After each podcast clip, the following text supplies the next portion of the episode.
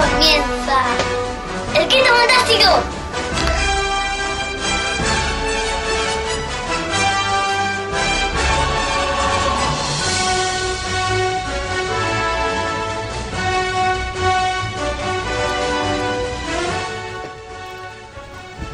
Ocho de la noche y 24 minutos. Muy buenos días y bienvenidos. Muy buenas noches, perdón. es, la, es, la, costumbre. Muy buenas noches y bienvenidos a una nueva edición del Quinto Fantástico aquí en Radio Gaba. Hoy en un horario no, habitu no habitual debido a los problemas, bueno, problemas no, eh, cambios de horario laborales, reformas en casa, cocina y cuarto de baño, en fin hemos estado bastante liados y durante el mes de febrero no hemos podido hacerlo. Pero volvemos y con unas ganas tremendas de, de, hacer, de empezar a entrevistar a cositas, de daros noticias comiqueras. Tenemos el Salón del Cómic prácticamente al lado. Bueno, no quiero avanzar nada más. Y como no, dar las gracias a nuestro Capitán Pai, que hoy lo tenemos ahí eh, brindándonos y en velocidad de curvatura. Don Carles Sianes, muy buenas noches.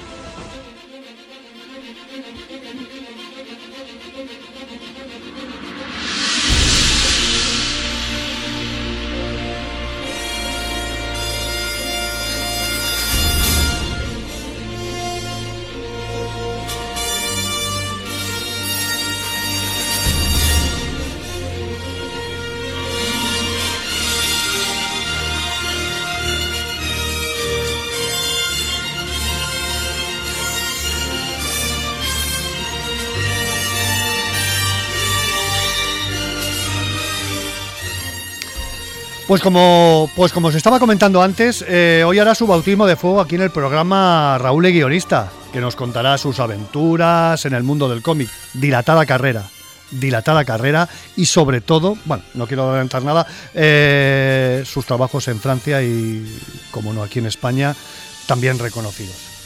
Eh, comentaremos también las últimas noticias de, del Salón del Cómic de Barcelona en su 41 edición. Eh, estaremos ahí, vamos a ver las novedades que ahora mismo tenemos. Eh, no... Eh, me faltan cositas, yo qué sé, a ver, si podemos, a ver si durante estos 24 días que quedan se nos alzan más, más artistas, más que tenemos más, más eventos y más cositas. No quiero decir nada porque todavía quedan, ya os digo, quedan 24 días y, y quedan mucha noticia todavía por adelantar y me imagino que igual a lo mejor pues van ahí a cuentagotas. Eh, esperemos que podamos disfrutar estos tres días eh, a tope y con ganas de, de, vernos con gente, con amigos, con compañeros, con ilustradores, con guionistas y que podamos pasar estos tres días eh, fantásticamente. Competimos contra Fish Days, con, el intermedio, con la Isla de, de, las Tentaciones hoy, pero no pasa nada. El mundo del cómic eh, es infinito y, y está ahí. Así que, si queréis acompañaros, tomad asiento y disfrutad de nuestra compañía.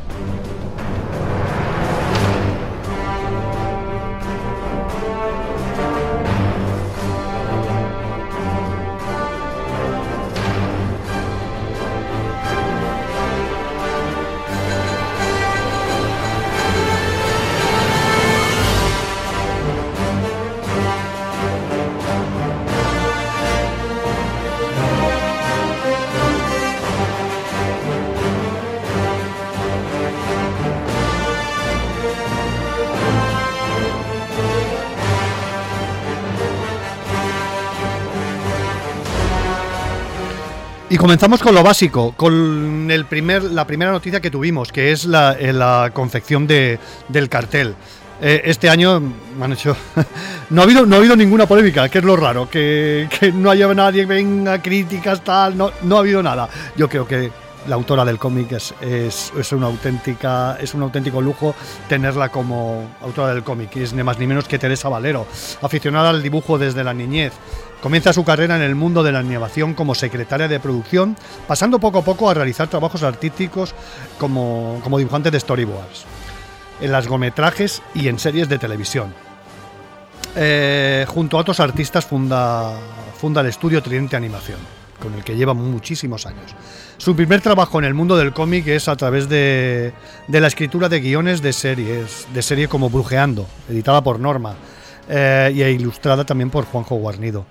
Después con Monse Martín, junto a la que había compartido muchos años de trabajo en Tridente Animación, realiza la, trilogía Curiosity Shop, premio al mejor guion nacional en el Expo Comic del ya lejano 2012. También ha participado en la escritura de guiones como series como Gentleman junto a Juan Díaz Canales. Como dibujante ha publicado el cómic humorístico We Are the Family, eh, con guion de María Pavlenko. Colabora habitualmente en la revista La Resistencia, serie humorística, también colabora con la serie humorística En Pelota y de forma esporádica en M21, la revista informativa editada por el Ayuntamiento de Madrid. Su última obra es Contrapaso. Mm, os recomiendo, si podéis rescatar el programa, lo tenemos en Evox o en Radio Gabá. Lo tenemos, es increíble la obra. Está la gente esperando el segundo, el segundo tomo porque yo creo que va a ser un pelotazo. Si el primero fue un pelotazo, este segundo va a ser increíble. Se ha editado en, Francia por Dupuis eh, y en Bélgica y aquí en España por Norma. Ya el contrapaso fue así, fue galardonada con el premio Zona Cómica al mejor cómic del 2022 eh, y mejor premio a la crítica por la revista Dolmen. Eh, así que es, es prácticamente un, un auténtico lujo tener a Teresa Valero como autora del cómic.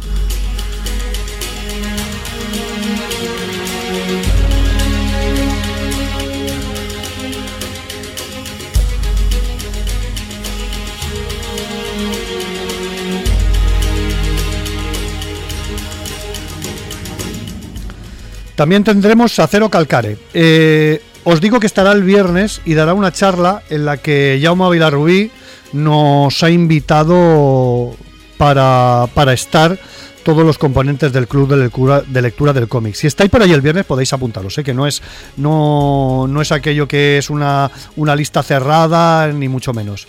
Eh, habrá mucha gente, es un autor con, con, mucho carisma, el, dibujante de cómics italiano. Fijaros que en el 2011 terminó su primer libro, La profecía del armadillo, La profecía del armadillo, aquí editado en España por Reservoir Box, con el que ganó ya un gran premio en Italia, el premio Junigi, el galardón más importante del cómic italiano. Desde entonces ha publicado, entre otras obras, las siguientes: Olvida mi nombre, eh, editado por Reservoir Box, y Esqueletos, editado también por Reservoir. Desde hace más de una década, cada libro suyo no ha hecho sino consolidarlo uno de los mayores referentes de la cultura italiana actual, además de haber sido traducido a 15 idiomas. En, eh, el 2021, que seguro que los aficionados a, Netflix pues la tendrán muy presente, esta serie de animación, Cortar la línea de puntos, está basada en un, en un cómic suyo y que ha sido un fenómeno de audiencia global y lo ha encumbrado internacional, internacionalmente.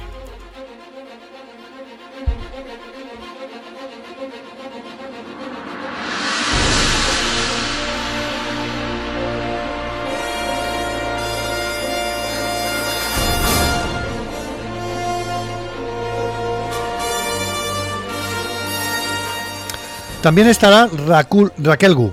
Eh, bajo el seudónimo de Raquel Gu, Raquel García eh, es filóloga, traductora, dibuja desde que aprendió a sostener un lápiz, de modo que combina su trabajo de ilustradora y humorista gráfica con el de la traducción. Ha publicado libros de humor gráfico, cómics, álbumes infantiles. Sus viñetas de trazo claro y conciso han aparecido en los Matín de TV3, el Matín de Cataluña Radio y sobre todo la cuenta de Instagram de Cataluña Radio. También en las revistas como no del jueves, con la serie Estupendas, que en el 2011 recibió el premio al mejor guion de humor y dibujo de, dibujo de humor otorgado por el Diario de Avisos. Actualmente es miembro del Consejo de Dirección del Instituto Quevedo de Artes de Humor, donde es comisaria de exposiciones sobre humor gráfico y publica viñetas humorísticas en las páginas Picarra y El Salto. Su último libro es La, Edad Estupenda, editado en este mismo año por Sapristi. Hay una frase suya que dice, si no dibujaba viñetas, todavía le costaría más entender la vida. Tenemos una deuda con, con Raquel Gu. Eh, no conseguimos hacer hace muchos, muchos, muchos años una entrevista. Yo espero que, que esta vez pues eh, hablaremos con ella en un momento y, a ver si nos concede el, poder hablar con ella tranquilamente, distendidamente, porque alguien tan polifacético como ella eh, puede ser una, una, auténtica, una auténtica entrevista muy guapa.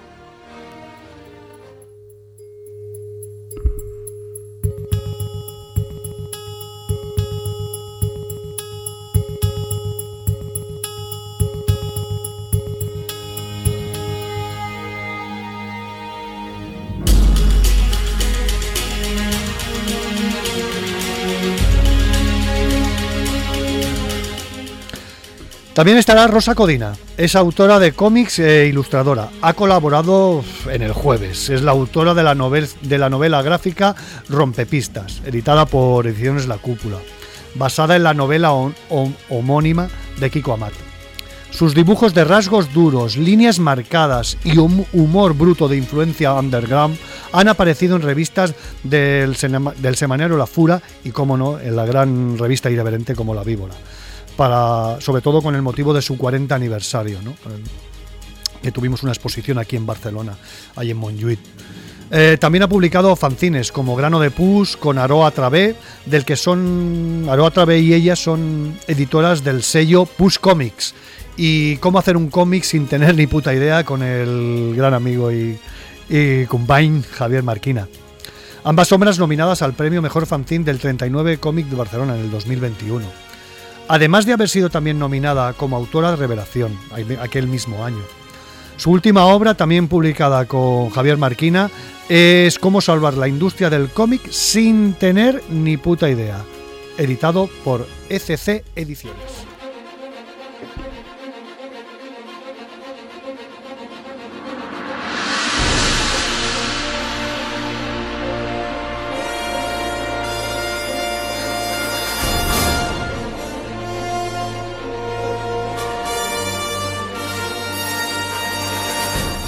Atentos a este, estará un grande, Rick Remender, guionista, eh, co-creador de cómics como Clase Letal, Fierce Agent, Siete para la Eternidad, Tokyo Ghost, Una sed de venganza justificada, Love, Death or Glory y Ciencia Oscura, series, series publicadas en Estados Unidos de gran éxito y editadas perdón, por Image Comic y aquí en España editado por Norma Editorial. Durante sus años en Marvel escribió muchas, eh, muchas, historias, muchas historias en las que se han basado Vengadores en Game, The Falcon, El Soldado de Invierno, Deep Pool. Actualmente trabaja en el guion de la adaptación de Tokyo Ghost y, eh, y gestiona su sello editorial, que ahí ya tiene bastante faena, como es Gian Generator.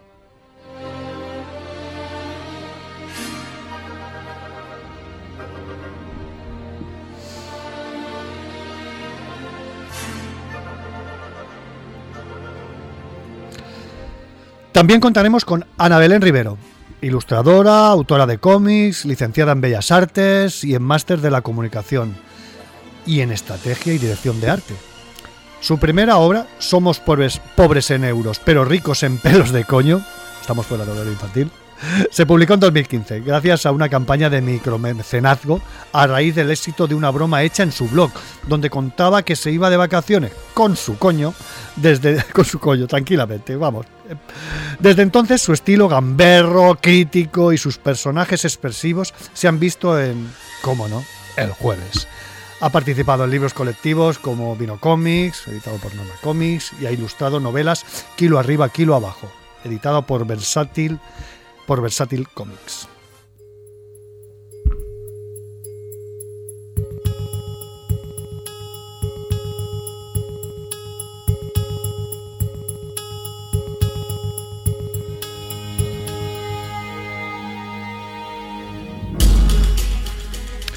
También contaremos con la presencia de David López, atentos, un grande. Después de publicar el fanzine, eh, el fanzine 451, donde entró en contacto con otros autores zaragozanos, ya por allá lejano, en 1996, inició su carrera profesional en la cúpula, con la serie Espiral.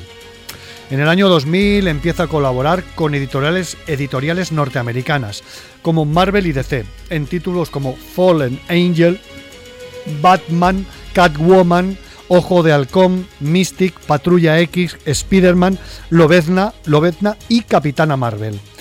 Y en colaboraciones en versiones eh, occidentales como en títulos como Ghost in the Shield, Ataque de los Titanes. Por cierto, vamos a ver si Vamos a intentar a ver si podemos hacer un especial de Ataque de los Titanes porque es una de las series que está marcando y, eh, y en la juventud está matando. Bueno, ya creo que ha empezado ahora un capítulo final y hasta otoño de este 2023 no será el que será ya el capítulo definitivo. Perdón, me he desviado con el tema al ver lo, de los ataques a los titanes.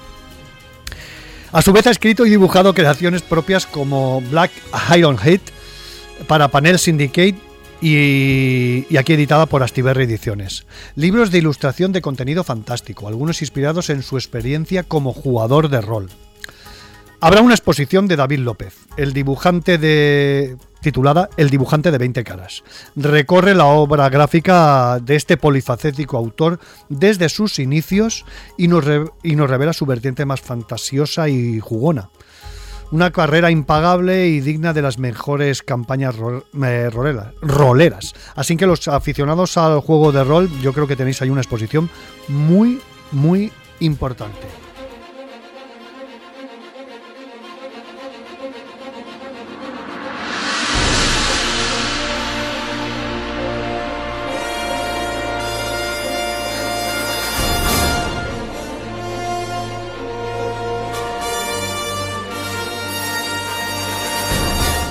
También tendremos a Bengal. Tras una década como autor para el mercado historietístico europeo, con obras como Mecha, Nadia, con David Jean Mauvin, el artista francés Bengal aceptó en 2014 la oportunidad de realizar portadas e interiores para DC Comics, empezando a trabajar de forma habitual y exclusiva para la industria estadounidense en diversos personajes.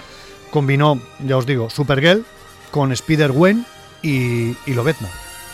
Entre tanto, ya estaba desarrollando un proyecto a largo plazo y de co-creación junto a Rick Remender, que acabaría materializándose en Death or Glory, como os he comentado, os he comentado antes. Publicado por Imagine Comics. Eh, en Estados Unidos en Norma, eh, perdón, Death or Glory ha sido publicado en Estados Unidos por Image Comics y en España por, la, por Norma Comics.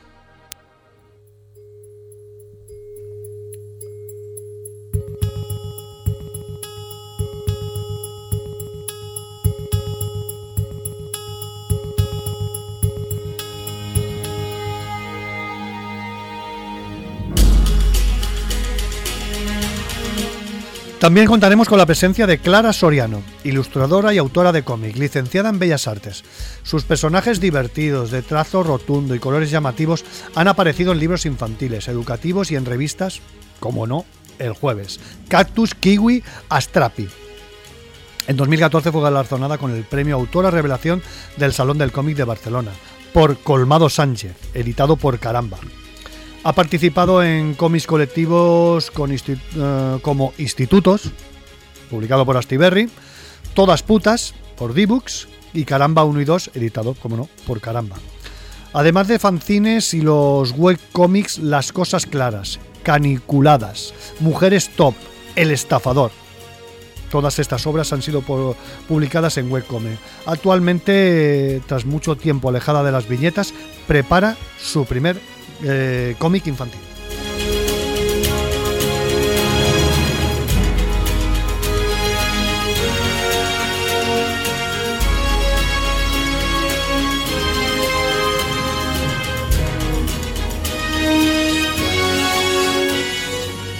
Sara JB es el nombre de de Sara Journet, de Zaragoza.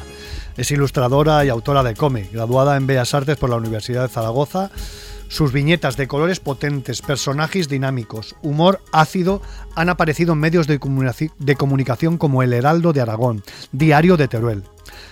Ha realizado el cartel del 20 Salón Cómic de, de Zaragoza en el 2021 y ha participado en exposiciones colectivas como Mujeres con Discapacidad, organizada por la Asociación Aragonesa de Mujeres con Discapacidad, y Viñetas por la Igualdad contra la Violencia de Género del Instituto Aragonés de la Juventud. Como autora de cómic ha publicado Pajas Mentales, con letra blanca, Diario de una vida de mierda, con letra blanca, y Quiero ser como tú, lo editó con Panini, con letra blanca con el amigo Tony Cudo. Mm, creo que sería interesante, sería muy interesante revisar esta, estas dos obras que están editadas aquí por, letra blanca. Fijaros que también editó Topper con. Topper para tres, perdón, en Fandagomia. Eh, cómic inicialmente concebido para la webcomic de, de la editorial. Actualmente y desde 2018 preside la Asociación Aragonesa de Autores de Cómic, la AAAC.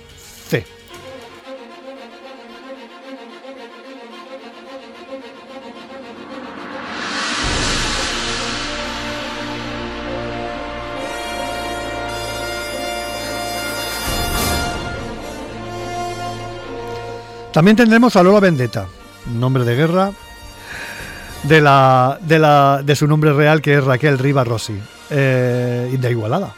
Vamos a ver si. Eh, mm, fijaros que voy a leer un poco la, su, su, biografía, que es de lo más interesante. Bueno, intentaremos hablar con todos, ¿no? Pero, pero esta me llama muchísimo, me llama muchísimo la atención, ¿no?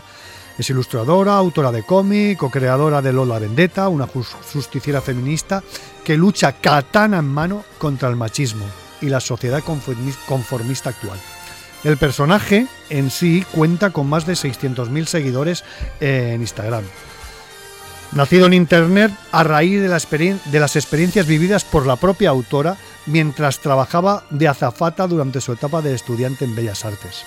En sus viñetas satíricas, reivindicativas y con una alta dosis de violencia, prácticamente no hay color, exceptuando el rojo de los labios, de la sangre de la menstruación, ha publicado los libros Lola Vendetta, Más vale Lola que mal acompañada, Lola Vendetta que Pachamamá, Lola Vendetta y los hombres, y además ha participado en un libro, en un libro colectivo, Voces que cuentan. Una antología que, editó Planeta Cómic. Ha, adaptado al cómic la novela de Leticia Dolera, Morder la manzana. Esto ha sido editada por eh, Planeta Cómic.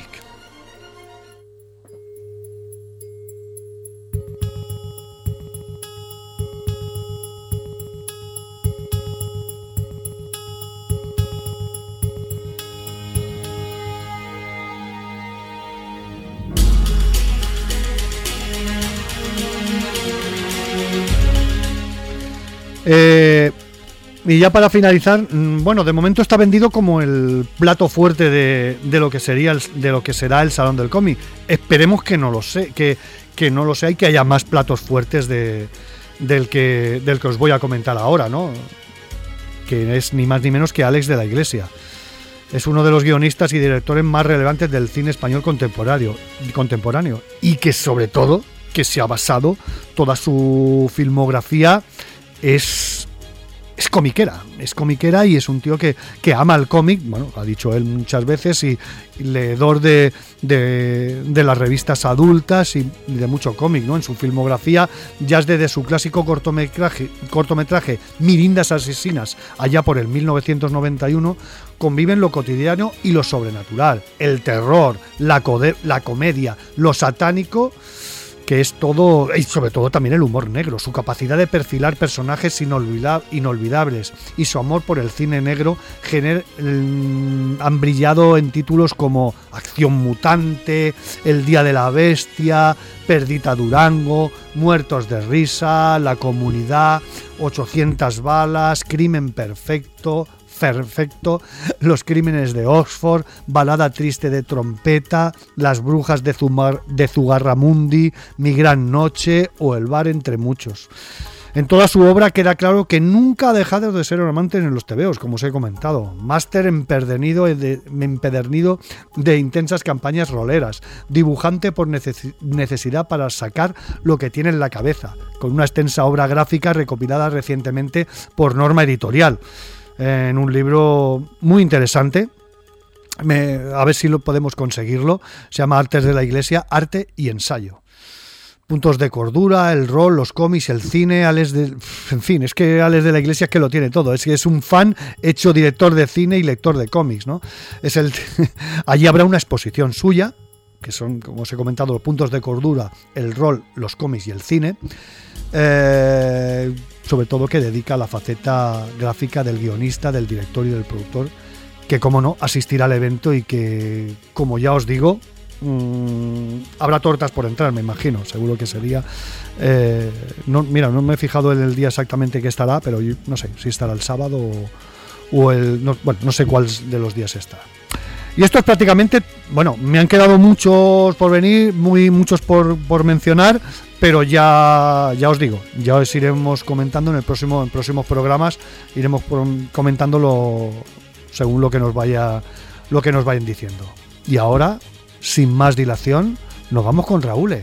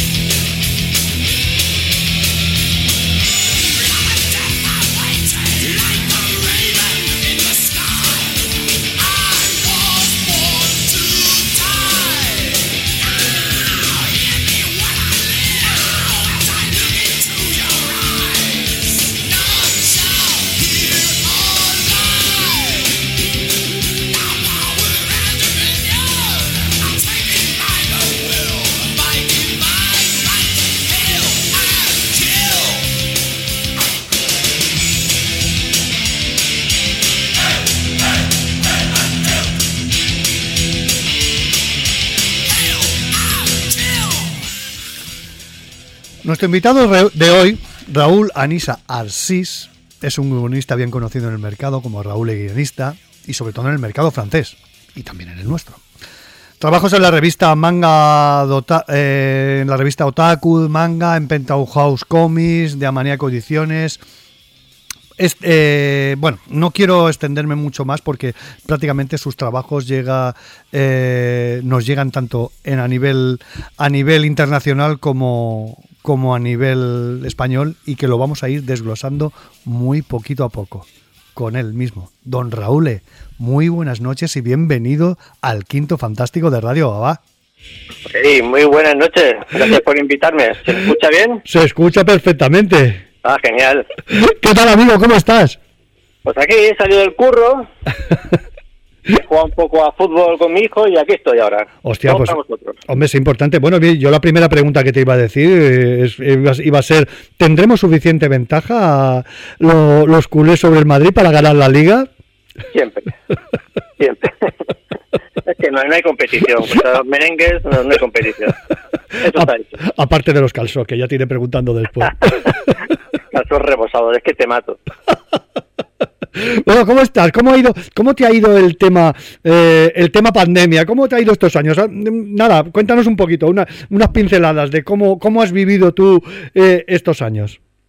Sinceramente, de la pandemia, bueno, ya sabes que el sector del cómic fue de los, entre comillas, beneficiados, ¿no? Porque estaba todo el mundo encerrado en casa. Pues la gente quería consumir, consumir y compraba y compraba y por tanto no se ha resentido, casi incluso subieron ventas, ¿no? En cuanto a mí personalmente, pues yo tenía que ir a trabajar igualmente, soy conserje en la zona alta de Tres Torres, aquí en Barcelona, y yo tenía que ir a trabajar igual, o sea, yo no lo noté. Era genial porque no había tráfico, entonces no, para mí realmente fue bien, ¿no? Hiciste muchos, pusiste muchos trabajos ahí en el, en el cajón, allí en la mesita de noche. ¿Te dio, te dio tiempo a hacer con este impasse que hubo? Sí, ya te digo, porque es que yo todo lo que, bueno, todo lo que he publicado lo he escrito en la, en la portería.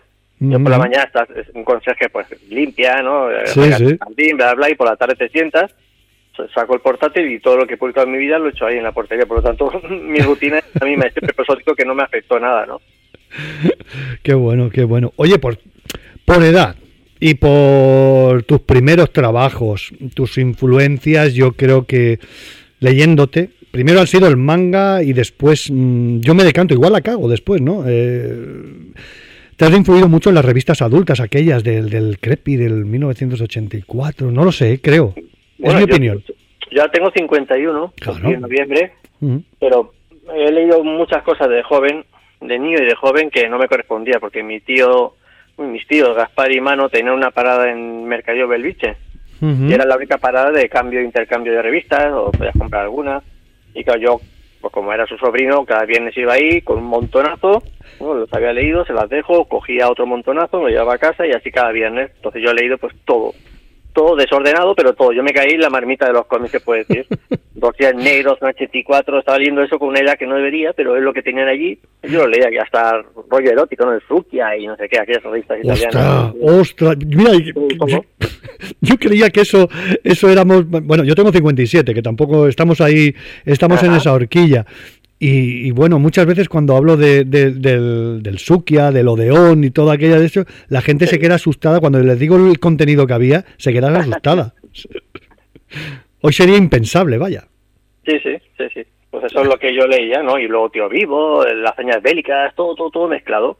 Claro, no podía haber, no había una, el 1, el 2, el 3, la gente lo dejaba, yo lo cogía y eso es lo que leía. Por lo tanto, la cultura de cómic ya siempre la tuve, ¿no?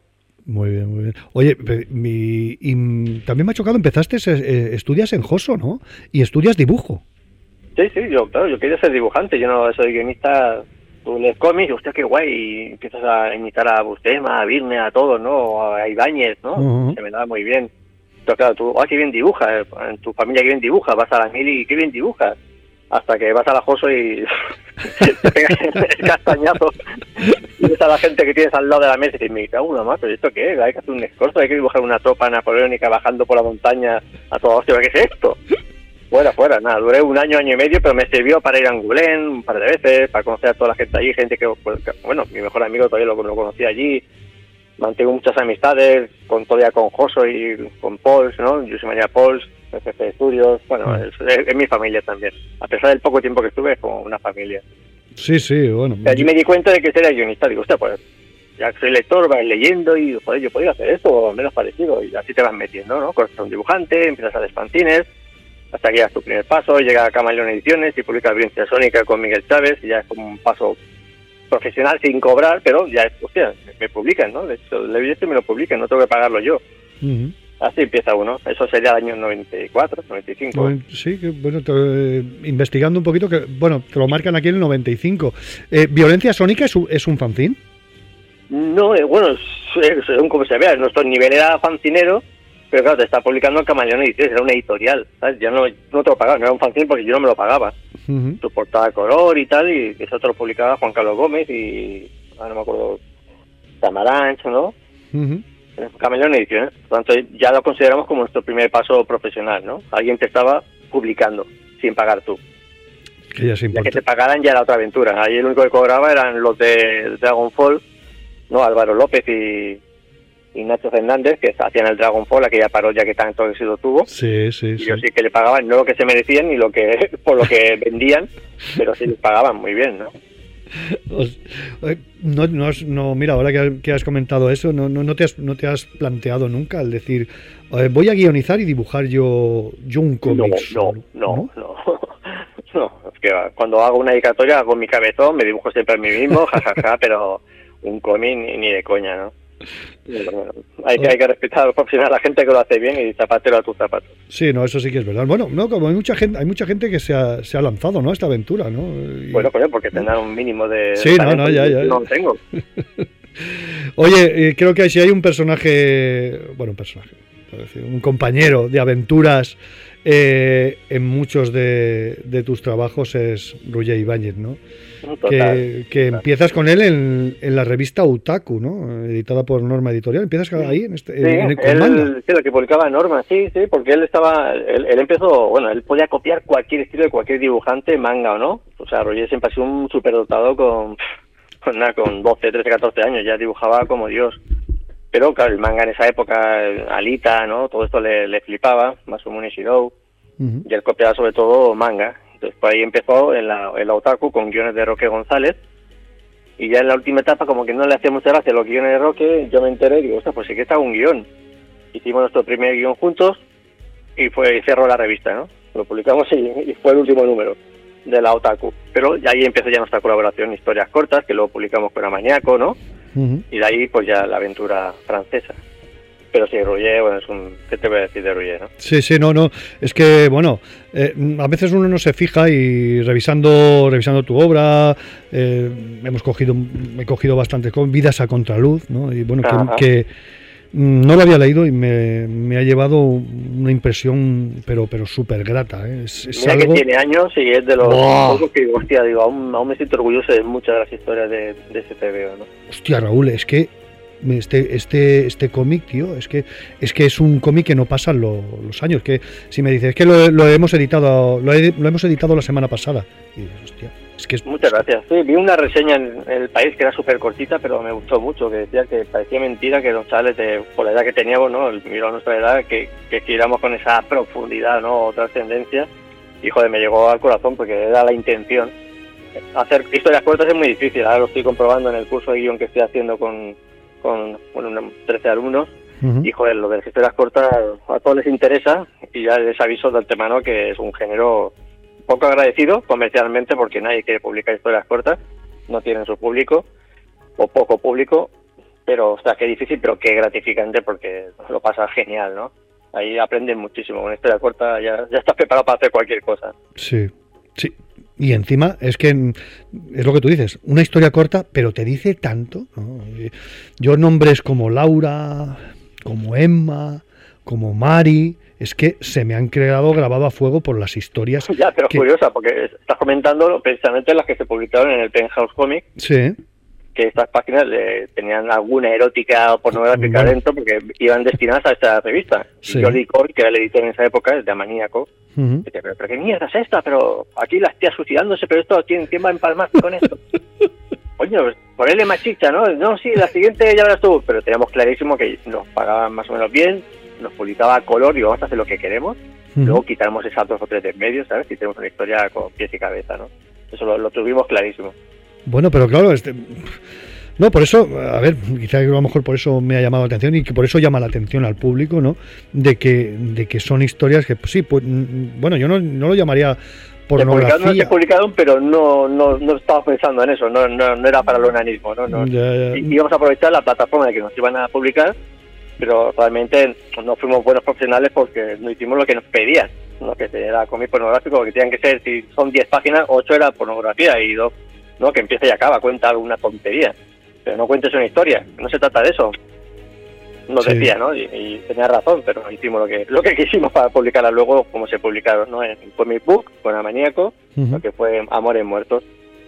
Sí, sí. Y fíjate que, que mm, Cabos Sueltos hay una historia que es íntimos desconocidos, que yo la recomiendo que sobre todo que, que, el que mm, a ver si lo en bibliotecas está pero si se puede hacer con él porque es una historia que te que en tres páginas te dice tanto y es tan actual es tan más de tres pero no muchas más pero esa, esa historieta la hicimos expresamente para la cúpula. Íbamos probando a ver qué editorial podía publicarnos y esta le, va a encantar a ellos y la llevamos y ahí estaba Berenguer estaba Félix Sabaté creo que era y fliparon.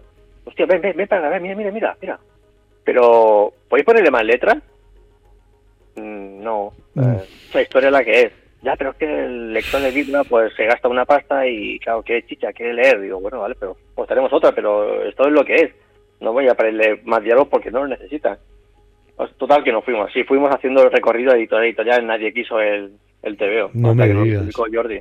nadie lo quiso porque eran historias cortas cada uno con un estilo diferente, porque quería experimentar, quería probar, y eso les desconcertaba. La gente no va a saber que es el mismo dibujante y por tanto no le gustó a nadie. Le gustaba, le flipaba el dibujo, pero dice, ¿a quién le vendemos esto? Que no, no lo veían claro y nadie, nadie lo quiso. El amigo Jordi Cole pues, dijo, publicarlo, decir, yo no voy a poder pagar, pero publicarlo como queráis, el papel que queráis, diseñarlo como queráis, que yo lo publico en Comic Book. Y aquí lo hizo. Y gracias a ese TVO, no, estamos en Francia. Ah, por, es, por, este te veo entráis en, el mercado francés. Sí, sí, lo he contado mil veces, el, el Cabo Sueltos eh, eh, le llegó a manos de Dargo. estuvimos, el año anterior estuvimos en Angoulême, Ruy y yo, y hicimos cola en todas las editoriales sin llevar apenas material. A todo el mundo le gustó lo que llevamos de Jasmine y tal, pero no, claro, no tenemos páginas hechas. ¿De dónde vas sin páginas? Entonces decían, cuando tengáis más, no lo enseñáis. A todo el mundo le gustó. Y la última, la única, la única editorial que no miramos, porque había una cola de la hostia, fue Dargo. Entonces, el año siguiente, Dargo, casualmente, vino al Salón de Tony Barcelona, pasaron paseando por allí, iban con Morvan, vieron el stand de Amaníaco, vieron la portada de Roger, hostia, ¿qué es esto? Morvan se enamoró del dibujo rollo y concertó una entrevista. Pasa que como yo iba en el pack, pues también fui a, la entrevista. Abrieron la página del Danubio Azul, la de la mujer así, ¿no? Que está medio borracha, que deja a su hijo en, el, en la clase de música. Otro, y, otro. Sí, sí, sí, sí, pues, el Danubio Azul, está, la, la, abrieron en esa página y dijeron, ¿podéis hacer algo como esto? Y lo bueno es que esa, esa historia la hicimos expresamente para el mercado francés con mucho fondo, rollo realista. Digo, esto, si algún día lo ven, le va a gustar. Y joder, pues dimos en la Diana. La abrieron dijeron, ¿podéis hacer algo como esto? Y de ahí pensamos hacer Jasmine, es un personaje. Porque repito, las historias cortas no dan para. no tienen su público. Mira que yo vengo, bueno, como te he comentado antes, bueno, y tú, tú igual, vienen, venimos de, de, las historias cortas, sobre todo de por revistas, las revistas adultas y esto, y, y, me he llevado una sorpresa gratísima. mira, ahora tengo delante el Danubio Azul directamente. Yo no me esperaba, este, me pego un giro de guion, sí, eh, lo de la chica que deja, bueno, mm, es que no te lo esperas, no sé, yo no me esperaba ese giro de guion eh, con el niño y tal al final. Bueno, espero que lo, descubra el lector, vaya, sí, sí, sí. Y fíjate, y esta también es mm, realmente espectacular también, la de tan solo recuerdos. Esta me ha matado, ¿eh? te digo una cosa. La de, la de la del abuelo que deja las gafas para cuando pasa alguien que no se las pase. Es espectacular. Y luego estaba de 323 recuerdos, creo que era, ¿no? Que la, esta hice un cortometraje en México súper chulo. Y cuando pidió permiso hice un cortometraje muy guay. Tuve ocasión de verlo y me les quedó, cambian cosillas, pero fantástico, la verdad es que sí. Ostras, pues, ostras, pues y el cementerio de elefantes, por supuesto, también. también. Es que es que lo que te, lo que, lo que te estaba comentando, que, que son tan son unas historias tan actuales que, que vamos, es que... hay mucho John Silver, hay muchos, muchos autores que leí en esa época. Uh que, te lo juro que ni me da tiempo a leer. O escribo, estás trabajando, la familia, o escribo o leo. Contadamente hace poco, ¿no? Pues, pues me apetecía mucho el juego de Rubín, que aluciné, aluciné.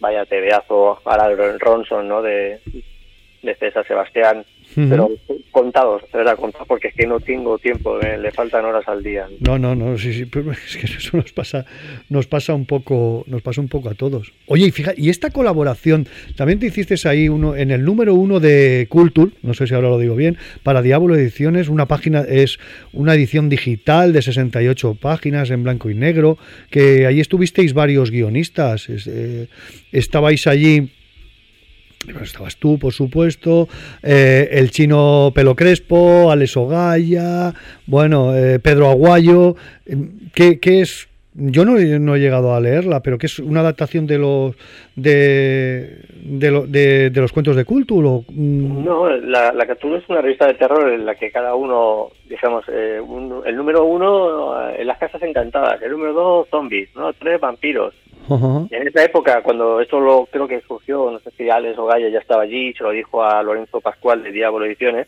sí. o fue idea de Diablo, no lo sé, no lo sé.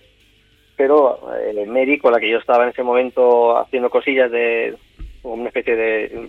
Eh, ella hacía Kratach y yo ponía los textos, y realmente no tenemos un destino para publicar esto y salió lo de la Catul, alguien se lo dijo, ya lo quiso publicar ahí, ah, pues ok, no vas a ver un duro, pero bueno, eh, ya sale publicado, ¿no? Y creo que pues, no sé si los dos tres primeros números salieron historietas cortas nuestras, que hace tanto tiempo de eso ya no, no, no, me haga recordar. no, no, no, si es que me ha llamado muchísimo la atención buscando información, aparte de esto, y, más que estaba eh, por Diablo Ediciones, que, que, raro que no haya hecho... una especie de poemas, así con tratas de, de amiga Mary Rivas, que es una crack, busca cualquier cosa de ella, ha hecho adaptaciones de libros, ¿no? A Frankenstein y hace asociaciones, vampiros, con su novio o ya marido Sergio Sierra, no, coño, marido, joder, estuve en su boda. mira, que no te acuerdes del culto, pero que estuviste en la boda. su boda que fue la mejor boda que he ido en mi puta vida, que todo el mundo iba disfrazado. ¿Qué me dices? Una boda que todo el mundo iba disfrazado. ¿De superhéroes? No, de superhéroes. Yo, mi familia iba de ninja, otros iban de no sé qué, del sombrero loco. Todo el mundo tenía que ir disfrazado de esa boda. Fue increíble. Le llamo novio, me cago en la... Vale, bien. Oye... Eh, Sergio escribe muy bien y, y, los cuentos de Sergio los, los ilustra Medi. Oye, me, me, llama mucho la atención también... Eh un trabajo que hiciste que, bueno, que creo que tenía que ser una gozada trabajar con, con Martí Saurí, el señor Joaquín y la, y la, y la mecánica celeste. Sí, antes que eso, la conjetura de Poincaré, que también lo publicó Diablo. Y bueno, ¿qué te puedo decir? De, José María es, no te voy a decir un padre, ¿no? Porque no de tanta relación cercana, porque vive un poco lejos ahora, pero es un, ejemplo a seguir en todo, ¿no? Es un, honor para mí hacer dos álbumes con él y ojalá si no le fallara por la artritis y tal la mano, haría 50 TVOs más con él, ¿no? Es que... Una, de 10, de 10. Yo tuve el placer de conocerlo, no, no, hacíamos programa con el Quinto Fantástico, lo vi como, como fan y tal, eh, cuando la Odisea, y bueno, es, bueno, un placer. Un Te cuenta la, Odisea, de la Odisea, ¿no? De para publicarlo en Estados Unidos, que alucinas. Sí. Y por ejemplo, José Mariano llevó a Roger y a mí en su coche de, de Barcelona a Angulén para poder firmar el, llegar a tiempo al hotel para poder firmar, que habíamos quedado a las 11 de la mañana en un hotel de Angulén con los editores largos para firmar, ¿no? Y él que había sido, bueno, fan de, los rallies, lo comprobamos que realmente era un buen fan de los rallies.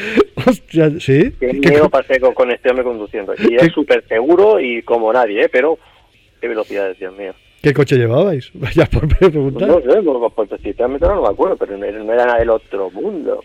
Pero es cómo, cómo acelera, cómo metía las marchas, cómo sabe una persona cuando sabe conducir, ¿no? ya digo, correcto, pero ya como se pegaba los coches, una flecha y llegamos a tiempo, llegamos a tiempo. ¿Y cómo conoces a, a Martí Saurí? ¿Cómo, cómo, ¿Cómo es tu primer contacto con él? Yo creo, si no recuerdo mal, que vino a las, a las comidas frikis que hacíamos hace unos años. Uh eran unas comidas que hacíamos allí en Barcelona, que no sé si era el primer miércoles de... El primer miércoles de cada mes o algo así. Y, o cada miércoles, es que estuve mucho tiempo quedando para comer y él, no sé cómo vino a una de ellas, se quedó alucinado porque ya había dejado un poco de dibujar, estaba desilusionado. Y ver a tanto jovenzuelo ahí, ostras, con un proyecto, con otros, se entusiasmó y empezó a hacer cosas. Y siempre no lo agradecerá, ¿no? Conocimos a muchísima gente en esos años, gente que ahora está aquí arriba, ¿sabes? Y antes eran, ¿sabes? Los IBM, ¿no? IBM por un café y venga por una... Sí, sí, alucinante. si te dijera el nombre, diría que sí, sí, los tenían como jajaja y eran unos máquinas que ahora lo están demostrando, ¿no? Publicando en todo el mundo. Sí, sí, fíjate que las dedicatorias eh, es increíble. Bueno, eh, este del de, señor Joaquín, mm, bueno, el título del señor Joaquín, después poco a poco, Joaquín es un nombre que, que en tu familia es muy, muy importante, ¿no? Ya ves. Mi eh, padre fallecido, mi hermano fallecido, mi abuelo fallecido, todos eran Joaquines. Sí. Y, y tú, tú pones eh, el, el, título, eh, lo, pones tú, el señor Joaquín y la, la mecánica celeste. Sí, siempre, siempre. La conjetura Poincaré, yo por ejemplo era muy mal estudiante, y las matemáticas especialmente muy mal, pero mm. me encanta el mundo que envuelve la matemática, me gustan los nombres, ¿no? La teoría de Fermat, es que es súper, joder, que es peliculero, me encanta. Y la conjetura de Poincaré me sonaba fantástica. Y aquí pues con la mecánica celeste y las leyes de la física, pues igual. Pero yo convierto lo de la mecánica celeste en algo literal, ¿no? La chica se piensa que es mecánica, ¿no? de naves espaciales. Naves espaciales para ir a buscar a su padre. Sí. Las matemáticas me fascinan, pero nunca probé un puto examen. es un cómic un poco... Eh, tiene de todo un poco. Yo creo que eso también es un homenaje a Víctor Mora. Exacto. Es un homenaje total a Víctor Mora. No sé, es eh, un homenaje... un homenaje... Para Francia, Isabel ya era un, un homenaje a Víctor Mora, a la aventura por la aventura en la que todo vale es una de mis mayores influencias, ¿no? Yo he leído mucho Capitán Trueno, Corsario de Hierro, Víctor Morá, nunca le, agradeceremos lo suficiente. Todo no, no. no. Y también metes ahí detallitos que, bueno, me imagino que también lo, lo hablarías con, con, con Martí Sauri, el detallito del perro, ¿no? Que, que, se llama Logan.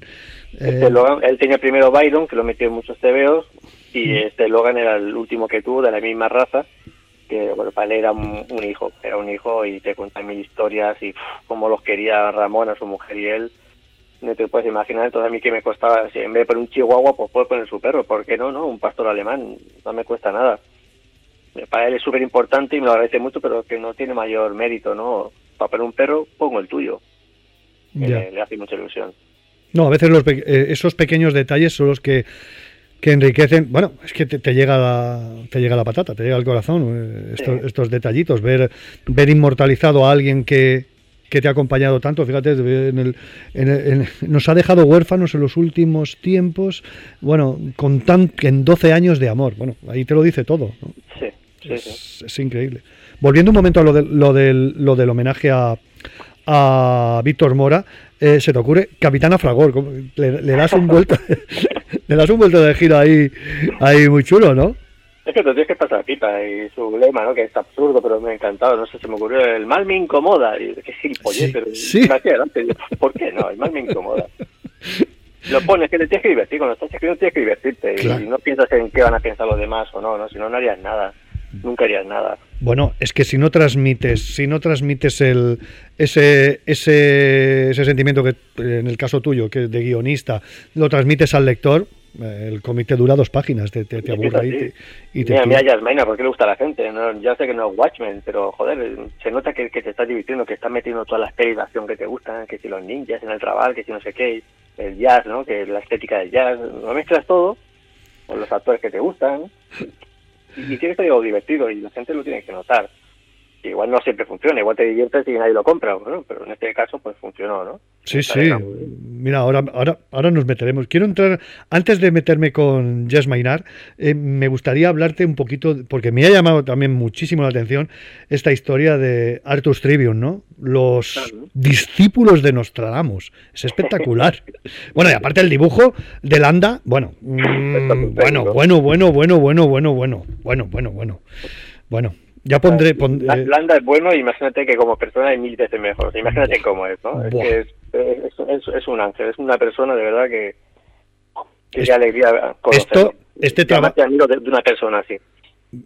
Perdón, bueno, hablamos de Landa, pero este trabajo eh, en Francia lo ha tenido que petar, ¿no? Sí, bueno, el primer número salió creo con 25.000 ejemplares de tirada que nunca me había pasado ni siquiera con Wenger y, y se vendieron.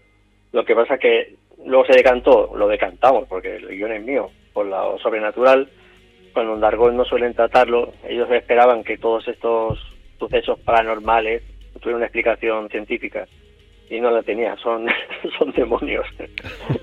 y eso lo descolocó bastante y, creo que a la gente también, ¿no? Pero ya te digo, es lo que uno hace lo que lo que le gusta, lo que o todo lo que sabe hacer, ¿no? Igual no doy más, ¿qué te puedo decir? No, no, no, que, me puedes decir que no, no, no. Si no, no, nos lo pasamos genial, genial. y los de los discípulos no quería tratar a Nostradamus, a ver, es que no me gusta hacer lo del biopic, ¿no? A coger a Leonardo y contar su vida. Coño, para eso ya están los libros de historia. Me gusta que, que, salga por ahí y la, y la idea era que Nostradamus fuera un personaje muy secundario, pero que, joder, es que a que empiezas a escribir y, y a adentrarte en su vida alucinas. Te ven como te sí, luego es secundario, pero no tanto, sale bastante y, como queríamos que él no fuera protagonista, nos inventamos con tres discípulos. ¿Y cómo se te ocurre la historia esta de, del Atrius Tribune, Angelina Oscura y Angelus Dante? ¿Cómo, ¿Cómo, dices, bueno, voy a hacer este triunvirato, ¿no? A ver, pom, es que, que yo recomiendo también... ocurre? Es que todo parece que sea genial, que, que soy aquí a la Moore, que te sale a la primera y, y, no para nada, es todo un trabajo de, de, gente que se pueden realmente llamar editores, como nos pasaba en Dargo Benelux. Que yo iba con un personaje llamado Jax Tribune. Sí Jax, Jax, ¿no? Jax Tribune. Ya, pero es que igual en esa época la editora me decía, es que no es tan normal, Jax, y también me aparecía Jax Maynard, Jax Tribune, joder. Y allá esto ocurrió Artus. Y yo, Artus, ni, ni, ni Juan Luis ni yo lo veíamos. Artus, será Artur. No, no, Artus. Eh, bueno, vale, pues, pues, para contentar a la editora, que no diga nada, ¿sabes? Pues se quedó Artus Tribune, pero es que ahora no lo veo de otra manera, me, me encanta. no, no, es que me encanta. Vamos, es espectacular y el Angelique está oscura y joder, que era tan evidente, me dolió que no se a mí lo de Angelique se me ocurrió y no recuerdo qué era la otra tontería que le puse de, de apellido, pero realmente es fue esta editora que se le ocurrió de oscura y, eso sí que me repateó, ¿sabes? No haber visto algo tan tan evidente, porque es un nombre que, es que le, pegaba tal cual, ¿no? Pero bueno, ya está, el resto es mío, ¿eh? Joder, el resto es mío. no, pero, pero es espectacular. Yo recomiendo, eh, bueno, aparte de, de su lectura, recomiendo el dibujo de Landa, que es, que es lo que decías. ¿Has trabajado nada más que en Arthur Tribune o has trabajado en más, cosas, en más cositas con Landa? No, es que Juan Luis, eh, él venía, él hizo lo de Irati hace muchos años y le quedó el gusanillo de... Le propusieron, obviamente, la gente no es tonta, y en Francia dijeron, vente para acá, creo que fue con Glenat, para hacer algo, y él no, no se atrevió. no se atrevió y eso siempre lo ha tenido en la barriga y, ¿sabes? Y ostras, ayer después, cuando ya está instaladamente ahí, está muy cómodo en su, en un ¿no? Ahí en Navarra, haciendo ilustraciones para libros, para Erein, ganando un pastonazo, ganando todos los premios año tras año porque es un crack, decide volver al cómic. Y como él se lo ocurra mucho y lo sabe, dice, voy a buscar al mejor. Entonces llamó a Canales, obviamente, no a mí. y Juan Díaz le dijo, yo no puedo, estoy era súper liado, pregunta a Raúl. ¿eh? Me escribió y desde entonces pues estamos juntos. Pues gracias a, Juan. El dibujo es espectacular, yo me, ha enamorado. Aparte de la historia, pero es que es, es, es espectacular el dibujo. Y aparte esos cambios así de, de color con según según te va, perdón, Claro, según la escena. según la escena, te va trasladando según en qué momento. Y había un tapiz de Antoine Caron en ese tercer tomo, que yo lo vi así a lápiz, y digo, tío, vas a coger ese tapiz y lo vas a colorear a tu puto modo, y vaya, o sea, que, hablas, que abres la página, no, es muy normal en el mercado francés que meten una doble splash, ¿no? Y meter ahí, ¿sabes? Girar la página y verte un cuadro en un lago, no sé, que una figura. Y lo hizo, tío, lo hizo. Es que este, este no, no, tiene, no tiene techo. Juan Luis no tiene techo. No, no, es espectacular. Yo me, yo me he enamorado en el, en el tomo 1, eh, la, eh, la contraportada, que está Nostradamus y los tres ellos detrás, con un pergamino tirado en el suelo, una mesa detrás. tal, es que le, le, flipa. Él contra más enrolle, llega un punto en el que, claro, una, una página a la semana no te sale muy a cuenta. Seríamos como cobrar más, que esa fue al final la, la causa ¿no? de, de no continuar con Tribune pero dice, a ver, es que dibujas mucho, le decían los editores. Si dibujas un cuadro en la pared, le dibujas el marco, dibujas el marco perfecto, el cuadro que hay dentro, eh, relájate un poco, es más rápido, te saldrá más a cuenta. Dice, pero es que no puedo, no puedo, eh, él es así. No, no, oye, pues mejor que sea así porque, vamos, es que lo borda, vaya. Ya, pero luego no te cunde y lo que te pagan, ya puedes hacer páginas que consideras poco cuando no realmente poco. Ese es el problema. Ese, es el problema. Oye, me meto de lleno. Jazz, Teo, Judas, El Raval. Bueno, mm, lo primero, yo sé que eres nacido en Barcelona, pero ¿eres nacido en el barrio del Raval? No. Ah, vale, vale, vale, vale, vale. Para nada, para nada. Yo soy, sí, nací en Barcelona, pero nací en el, en el Valle de aquí de Barcelona, que en aquella época creo que se llamaba Generalísimo Franco, no te digo más. Sí, sí, sí. Pero yo me considero de Hospital de Llobregat. De hecho, mi hijo nació también en Barcelona, en la clínica de Zeus, y cuando lo, llevé ahí para pensarlo, para esto, ¿no? Puse Hospitalet. O sea, no puse Barcelona, sino Hospitalet porque me considero un tío de hospital y muy orgulloso. Sí, sí, oye, las raíces de cada uno. No, si, si lo del Raval te lo preguntaba más por, por la obra de, de Jazz pues, Eso fue súper casual, también lo, he dicho mil veces. Yo lo quería hacer para hacer la pelota a los franchutes, yo lo quería hacer, bueno, trasladarlo a Marsella. A Marsella, Jazz tenía incluso el nombre Otra vez con el puto Jack, Jack Y lo quería hacer un barrio arrabalero, así de todo, un portuario, con mucho canalla, pues joder, Marsella. Y Rollo me dijo, ya, pero por documentación, ¿no será más fácil si lo hacemos aquí en el Raval? Sí. y al final fue una de las causas del éxito de Maina, ¿no? Hacerlo en Barcelona, en el Rabat. Diste, muchas vueltas y, investigaste mucho por allí, por el barrio del Raval. Hicimos muchísimas fotos y mira artículos sobre el, lenguaje que se utiliza por ahí, pintadas, todo. Sí, me investigué mucho las calles del Raval. Y claro, luego es que nosotros no, no, hemos pasado el cómic en eso, ¿no? es tan no es tan social, no es no es un retrato del Raval. Nosotros un poco, ¿no? Con prostitutas ahí bellísimas, como las dibuja Ruggier pero creo que al final le dimos un, nuestro toque, ¿no? Pero no realmente un rabal a rabaleo como te lo podía hacer, no sé, seguir o no. No sé, historias de barrio, de, de Beltrán. Igual al principio era la intención, pero no salió eso. Al final hicimos una peli de Tarantino, Guy Ritchie, ahí en pleno rabal. es lo que nos salió. Fíjate que eh, me he quedado con una crítica de, los amigos de Zona Negativa. Fíjate, lo describen perfectamente. El primer arco es una historia que combina la acción de una película de alto presupuesto con el género negro. Y una historia que recuerda al Dal Devil de Frank Miller y al año 1 que nos hizo John Romita Jr. ojalá. pues oye, eh, a ver, no, lo digo yo, pero vamos, es que es. Yo he leído los tres primeros y digo, es, que es que sí, es, es una historia. de, cualquiera que me conoce sabe que Frank Miller es mi, es mi dios, ¿no? Eh, sí. Sí, sí, o sea, está Alan Moore por encima de cualquier otra cosa, pero siempre he dicho que si tuviera que elegir la obra, ¿no? Lo que ha publicado uno u otro, firmo la de Frank Miller. Para mí es, pues ¿Te quedarías antes con Frank Miller que, con, Alan Moore? ¿Que Alan Moore escribe mil veces mejor? Por supuesto. Que tiene un mundo más rico, bla, bla, bla. Lo que tú me digas, sí, sí, sí estoy de acuerdo, si lo tengo todo, y sus, libros y todo. Pero yo firmaba la obra de Frank Miller.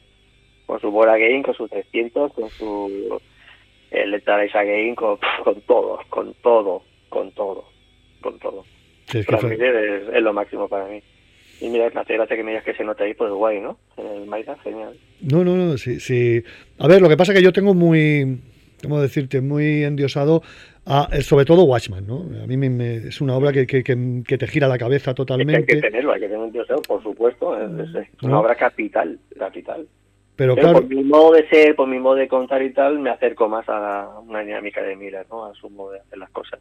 Me metete, yo el sudar de él fue un... me petó la cabeza y me petó la cabeza. En lo gráfico, en, las historias, en cómo contaba su narración, luego ya empiezas a investigar que si viene de Will Eisner, lo que tú me digas, pero me petó la cabeza. Sí, sí, no, es que... Me quiero dedicar a esto por, a través de haber leído, ¿no? Daredevil. Gracias a Daredevil. Sí, sí, es que es que nos mató, nos mató a todos con, con su dar, primero su Porta Game. Eh, también a mí me mató también mucho con su Lobezno. Eh, bueno, es eso, sí, sí, que, que, está, que está ahí. Y volviendo a Jazz Mainar, eh, yo creo que, que, bueno, estoy muy con los de los amigos de Zona Negativa que, lo, que los describen perfectamente, ¿no? Eh, esto. Y sobre todo, oye, una cosa que me da mucho la atención, ¿cómo trasladas en los segundos, después de, de estar en el Raval, te trasladas a Islandia, trasladas la acción? Eso fue una apuesta y no sé si fallida o no queríamos sacarlo de su base de operaciones, digo, va a estar siempre en el Raval, vamos a hacerlo viajar y a ver si el personaje se aguanta, ¿no? y lo llevamos a las antípodas, ¿no? De, del calor del Mediterráneo al frío del norte de Islandia. Pues eso fue sencillamente. Roger también quería dibujar nieve, sangre en la nieve. Y pues mira, nos vamos a Islandia. Islandia me flipa. De que había que me. ¿no? Nunca he estado.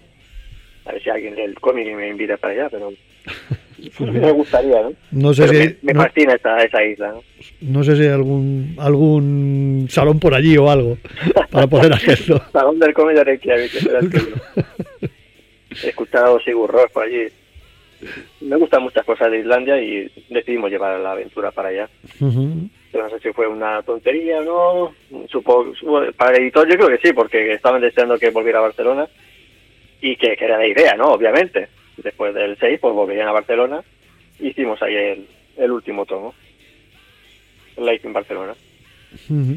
Oye, se acaba, eh, mm, el personaje de Jace Maynard tiene, tiene muchísimo, muchísimo, muchísimo juego, tanto un, con un antes y un después. Eh, no, ahora que ahora, yo creo que no pararéis, ¿no? ¿O vais a seguir editando? No, en principio no. Lo ah, cerráis. Sí, en principio cerramos, ahora cada uno está con sus aventuras. Eh, Roger le gustaría volver, a mí también, al editor también, pero no sabemos si se darán los, no si se juntan los astros para que eso suceda. A mí me encantaría incluso hacer historias cortas con el personaje, mil cosas, porque como tú dices, yo creo que tiene mucho recorrido, se pueden contar mil cosas, mil cosas. Pero a día de hoy no hay un continuidad ¿no? del personaje. Bueno. está ahora haciendo un, una historia con Fabien Belmán, que debe ya deben quedar pocos meses para terminarla y lo publicará con, con Dargo, ¿no? Que eso va a ser un, bombazo, pero creo que es un número único. Sí, sí, sí. Y oye, y también tenéis aquí unas cositas así eh, sobre una publicación Samuráis Isabel. No la he leído esta. Que... ¿no? Sí. sí. ¿Qué es de Samurai? Justo, sí, justo después de. Bueno, estaba haciendo Jazz Maynard. En el número 4 paramos y ahí justo empecé con Gabor, otro crack, un buen amigo, un amigazo, un hermano, Gabor, y hicimos la historia de una samurai que va con, con su padre a todos lados, su padre está muerto, pero va con su fantasma, hablando y tal. Hay unos días de familia con su hermana y eso les llevará hasta Irlanda, ¿no? Y la mitología celta por allí. Y fueron seis tomos con Lombard y nos pasamos teta. Estuvisteis cuatro años, ¿no? De 2013 a 2017, ¿no? Ahí. Sí, el labor es realmente muy rápido. Para tanto detalle que le pone y lo que se le ocurra, el tío es su máquina. me lo pasé de pipa y me iba a gustar también continuar con la, con la historia esta de la roja porque lo disfrutamos muchísimo. esta, estas, eh, Una samurai roja, no te lo pierdas. Ya, pues, es que aquí en España nos ha editado, ¿no? Sí, coño, ¿Sí? lo publicado Norma, publicó, lo publicó Norma. No, no, es que no tenía conocimiento, no, no tengo conocimiento de ella, por eso te... Sí, el número uno, el nombre noche y todo lo demás, sí, sí. Norma, Norma. No, pues mira, estaremos atentos y la, que me quiero la que me quiero hacer a ver si eh, que por cierto vi a David Rubin con, con uno en la mano a ver si ¿Qué, ¿Qué, peligro tiene David con, con un cómic en la mano y encima el autor del fuego. Sí, sí. el chrome y la lava en la portada. Me encantó la foto, es un crack, es un crack. Sí, vaya, sí. Y vaya pegazo que se ha marcado. Sí, sí, es. Mm, es un tío que, que, vamos, mm, tiene unas historias tremendas, ¿no? Eh, a ver, a veces vale la pena seguirlo en redes porque es muy irreverente. Pero bueno, día cada. Bueno, no, no, quiero, no va a ser que alguno. A, ver si nos va a escuchar y bueno. yo soy muy, muy tirado para atrás. Y el tío, vamos, se lanza sin paracaídas en Twitter. Bueno, donde, bueno, en Twitter yo creo que es su zona de confort. Y se lanza ahí sin paracaídas a, a todo, vaya. No, pero me haré con, intentaré hacerme, intentaré hacerme con el Chrome porque, bueno, me ha llamado muchísimo la historia y sobre todo cómo se fragua, cómo te lanzan un reto, cómo, cómo lo coges, como, vamos, como la antigua usanza, te lanzo el pañuelo del reto a la cara y te, y te lo coges, ¿no? Vaya, vaya tela, ¿no? Pues se trata de divertirse, Jopes, esto es un divertimento, la gente, va, ¿qué pasa? Se abre una continuación, no lo sé, me gustaría, pasa que Juanfra es profesor de, creo de secundaria, y tiene mucho curro y ahí su trabajo, quieras o no, ¿no? El, el mundo de los profesores depende de mil leyes estúpidas que te vienen ahora, que te lo vuelven a quitar, que siga al 11, que no sé qué, y no lo está pasando muy bien.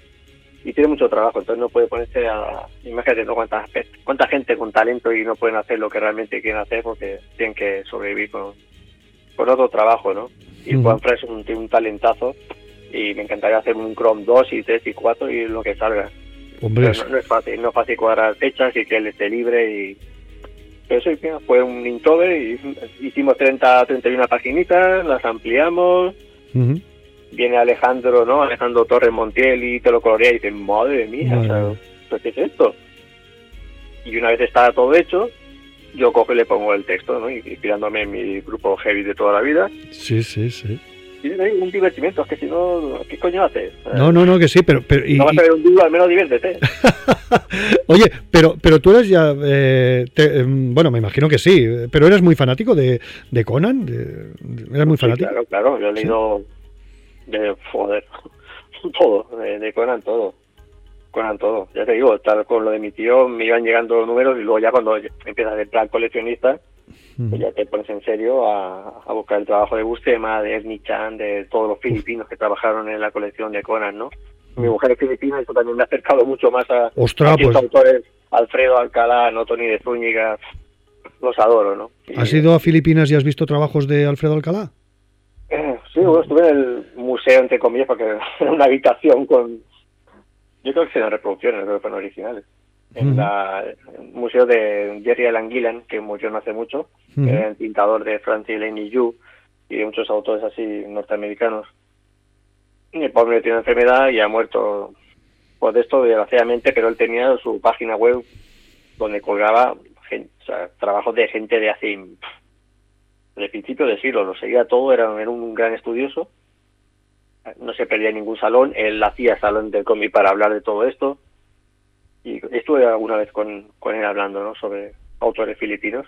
Un poco como lo que pasó aquí, ¿no? Los años 60, 70, ¿no? Con grandes autores, Pepe González y demás, sí. yéndose a Estados Unidos a trabajar a la Warren, pues allí igual, nutriendo el mercado norteamericano con grandes autores.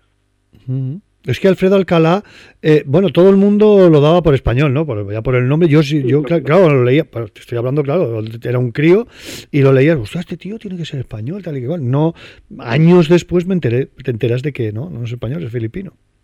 Por eso me, digo, usted seguro que habrá, lo tendrán allí. No sé, no sé si será en comparación como un Pepe González, un Carlos Jiménez, como podría ser. No, no, sé si allí, no lo sé. Dime, perdona, perdona. No lo sé, allí, claro, lo tienen como, como lo que es un, maestro del cómic. Para que tampoco, claro, la situación no es como para poder que la gente compre muchos TVOs, ¿no? Me cuesta encontrar allí. Cuando voy, traducciones, las que tú quieras, ¿no? Bueno, tiene traducciones, porque claro, ellos hablan inglés perfectamente, les llegan todos los TV de superhéroes, tienen una librería cojonuda, les llega muy buen material, pero luego, no, no, yo quiero autores de aquí, y me costaba, me costaba, ah, mira, aquí hay estantería de allá, ¿no? Ah, vale. Y hay joyas, y ticas que dibujan, y ya quedan historias guapísimas. De verdad, un nivelazo que no sé por qué no se está publicando en Europa, ¿no? Pero cuando voy allí, este mes de julio iré otra vez, voy a buscar autores de allá de Filipinas. Oye, pues ponlo en Instagram, que lo que, que, si coges cositas interesantes, ponlo en Instagram, que podamos disfrutarlo. no mala idea, no mala idea. Oye, una cosita, ahora ya que hemos hecho un poquito de repaso a tu historia, bueno, me, no, bueno, me gustaría entrar un poco, eh, sobre todo Carlos Pacheco, mm, me te he visto ahí que has puesto cositas y tal, ha sido una gran, ha sido una gran pérdida. Mm, ¿Crees que habrá, habrá, alguna, habrá un gran homenaje en el Salón del Cómic? Es mi pregunta, ¿eh? Yo no he escuchado nada, por lo tanto. Por eso te digo. Por me eso... encantaría, pero no, no lo creo. El gran homenaje que se pudo dar, que haberle dado en su día el Gran Premio del Salón, que se lo merecía. Sí.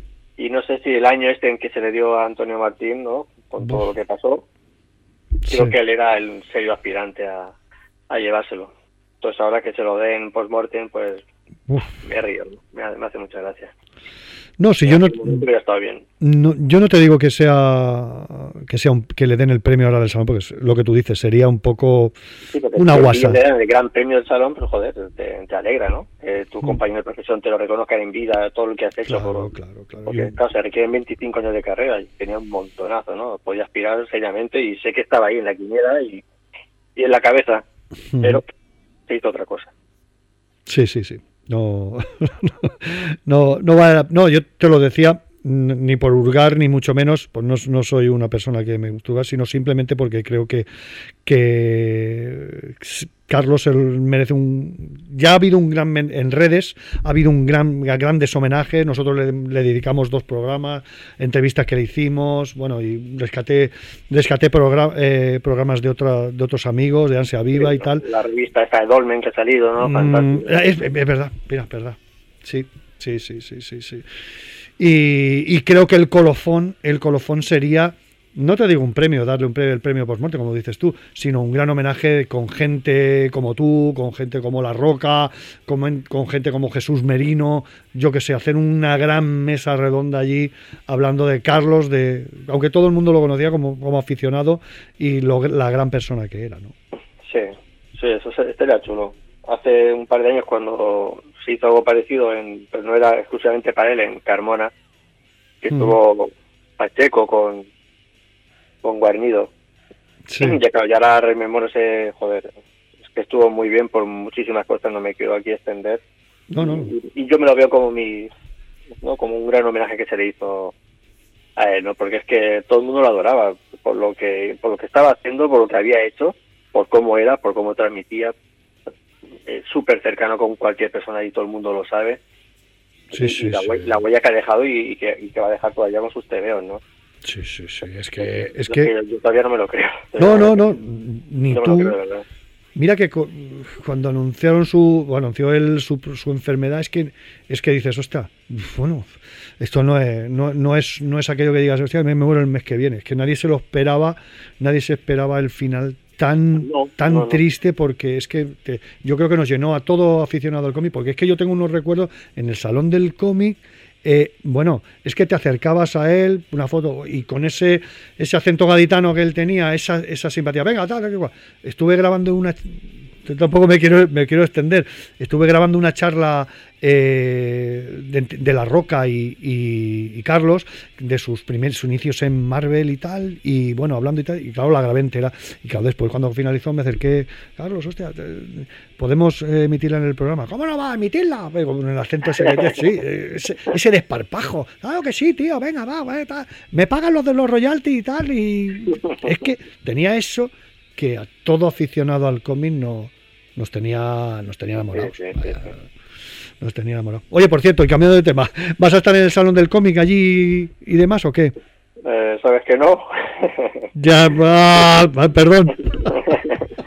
y cómics yo no lo llevo muy bien últimamente, por tanto no, no, voy a estar allí. Bueno, Pero si puedo, sí que voy a quedar con muchísimas personas en la puerta, en los bares de alrededor y genial. eh, como te vea que quedas con alguien, me acercaría a tomar un café contigo y a, y a poder a poder que hablar contigo y tal. Ya sabes cómo son los salones, ¿eh? que todo el mundo quiere quedar y quedas con un montón y te dejas ahí a la mitad, pero bueno, también es bonito, ¿no? Que viene gente de muchísimos sitios y, hostia, si nos vemos, y, sí, haces por verlo, pero entonces te dejas a otro y pasan los días y, hostia, mierda, y... Pero bueno, eh, es la magia de los salones, ¿no? si no en este, te verás en otro. Se verá en otro, en una presentación, o... o, te vas a tu ciudad, o, estás en Francia y ahí coincides con los autores españoles. Mira, es bonito, es un mundo muy guay. mira que quería ir al Graf, pero no sé que estuviste. Oh, qué pena, no no pude por temas laborales no pude acercarme y tal, pero pero bueno, a ver si el año que viene pues me puedo acercar. El, Graf siempre está bien, no voy a empezar aquí a hablar que se son del cómic y tal. No, no, no. No, no, no, no. que ver, el para cómic independiente, para gente que está empezando, para gente tampoco que ya lleva una trayectoria, ¿no? Pero tienen cosas muy interesantes que decir, que no van por los canales comerciales, ¿no? Y es una maravilla que te pasen cada stand y ves la ilusión y le miras a los ojos y dices, madre mía, no es que tengamos un futuro, ya está aquí, no, no es el futuro, es el presente. Tenemos los mejores autores y autoras, ¿no? del puto mundo. Sí, sí, sí. Yo, yo siempre, mira que... Eh, me, digo, hostia, qué pena que no, con, con, la savia que tenemos aquí de gente mm, comenzando de guionista, dibujante y tal, digo, qué pena de que no podamos, de que no exista eh, un tutain que pueda recoger a toda esta gente, yo que sé, y, hacer, hacer lo que, lo que hizo con, con, las revistas adultas. No sé, no sé si triunfaría, ¿no? Igual me, puedes decir que soy un nostalgio, un nostálgico, ¿no? Pero no, no lo sé. Eh, lo resucitar revistas, ya he visto que hay un montón de terror, está la Catulo que lleva ya, no sé, 15 años, a Sergio Bleda que acaba ¿no? sacar el crowdfunding este con Pachi Uzuk, ¿no? Y, sí, sí, sí, el formato revista puede existir, pero el mercado no está como para, pagar mucho dinero por página o no sé, por falta de lectores. No sé por qué, no sé por qué. Oye, preguntándote, bueno, eh, ¿tienes algo, tienes algo en mente? ¿Tenemos algo? ¿Nos puedes adelantar o, algo, o, es secreto de sumario? ¿No, ¿No tienes nada preparado así o qué? O, si no lo puedes decir, si no, pues nada. a ver, chicos, eh, Guerra y yo seguimos trabajando en el, en el que estamos haciendo para Glenar, pero nos han salido un montón de curros y lo estamos demorando demasiado y ya me está empezando a dar un poco de vergüenza. Eso está ahí, está sobre la mesa y tengo muchas ganas de, que salga. Y mil proyectos que, claro, que hace poco que puse en el en Instagram, dentro de un mes os podré contar, pues, porque ese mismo día estuve a punto de decir de qué era y, antes tuve la, un poco la la lucidez de hablar con el editorio. No, no, ¿qué te ocurra? Hasta que no te firma el contrato, nunca hay que hablar de ello. joder, ya que lo sé, pero me hacía tanta ilusión contar eso. Pero bueno, ya espero poder contarlo, ¿no? Sí, es que, es que te leí, digo, digo, digo, hostia, digo, digo, mañana seguro que lo, que lo dirá. Pasaron mañana, pasado, al otro, al otro, digo, este no dice nada. Digo, bueno, mira, ya que lo voy a tener, digo, solo preguntar. que viene, porque creo que para entonces eh, voy a quedar con ese editor en el Salón del Cómic Barcelona, fuera del Salón del Cómic. Y vamos a hablar de mirar las páginas que hemos hecho, el dibujante y yo, y dirá, ok, adelante o no. Y es, un, es, apasionante, lo, lo, te vamos a contar.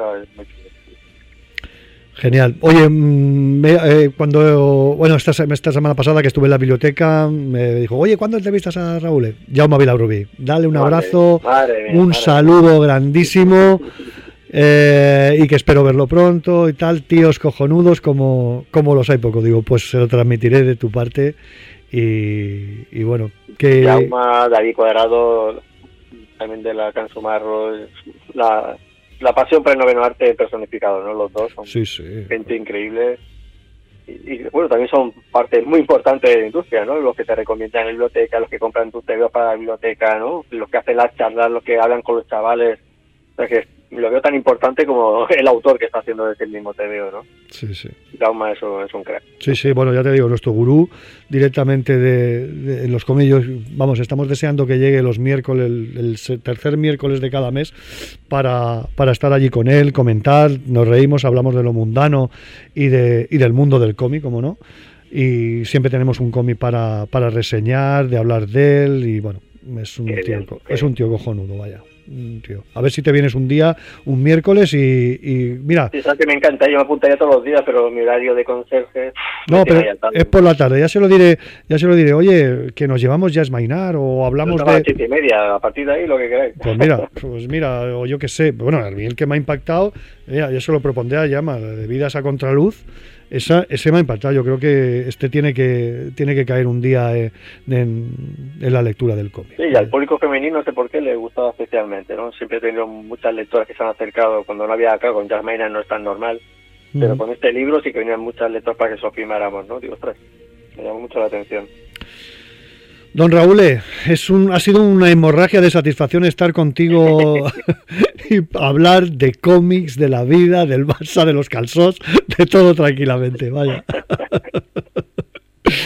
muchas gracias por la invitación, ha sido un placer. Espero que nadie se haya dormido mientras escuchaba. Yo creo que le hemos quitado, le hemos quitado audiencia a Fish Day y a la Isla de las Tentaciones. le hemos quitado audiencia, seguro que sí.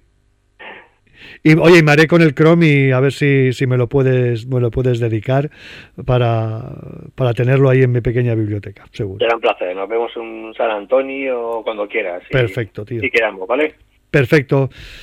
Un saludo muy grande, Raúl, y oye, a seguir para adelante y, a tope. Y muchísimas gracias por haber estado aquí en el Quinto Fantástico de, de Radio Gaba. Un abrazo, Albert, y un abrazo a todos oyentes de Radio Gaba. Muchísimas gracias, Raúl. Gracias.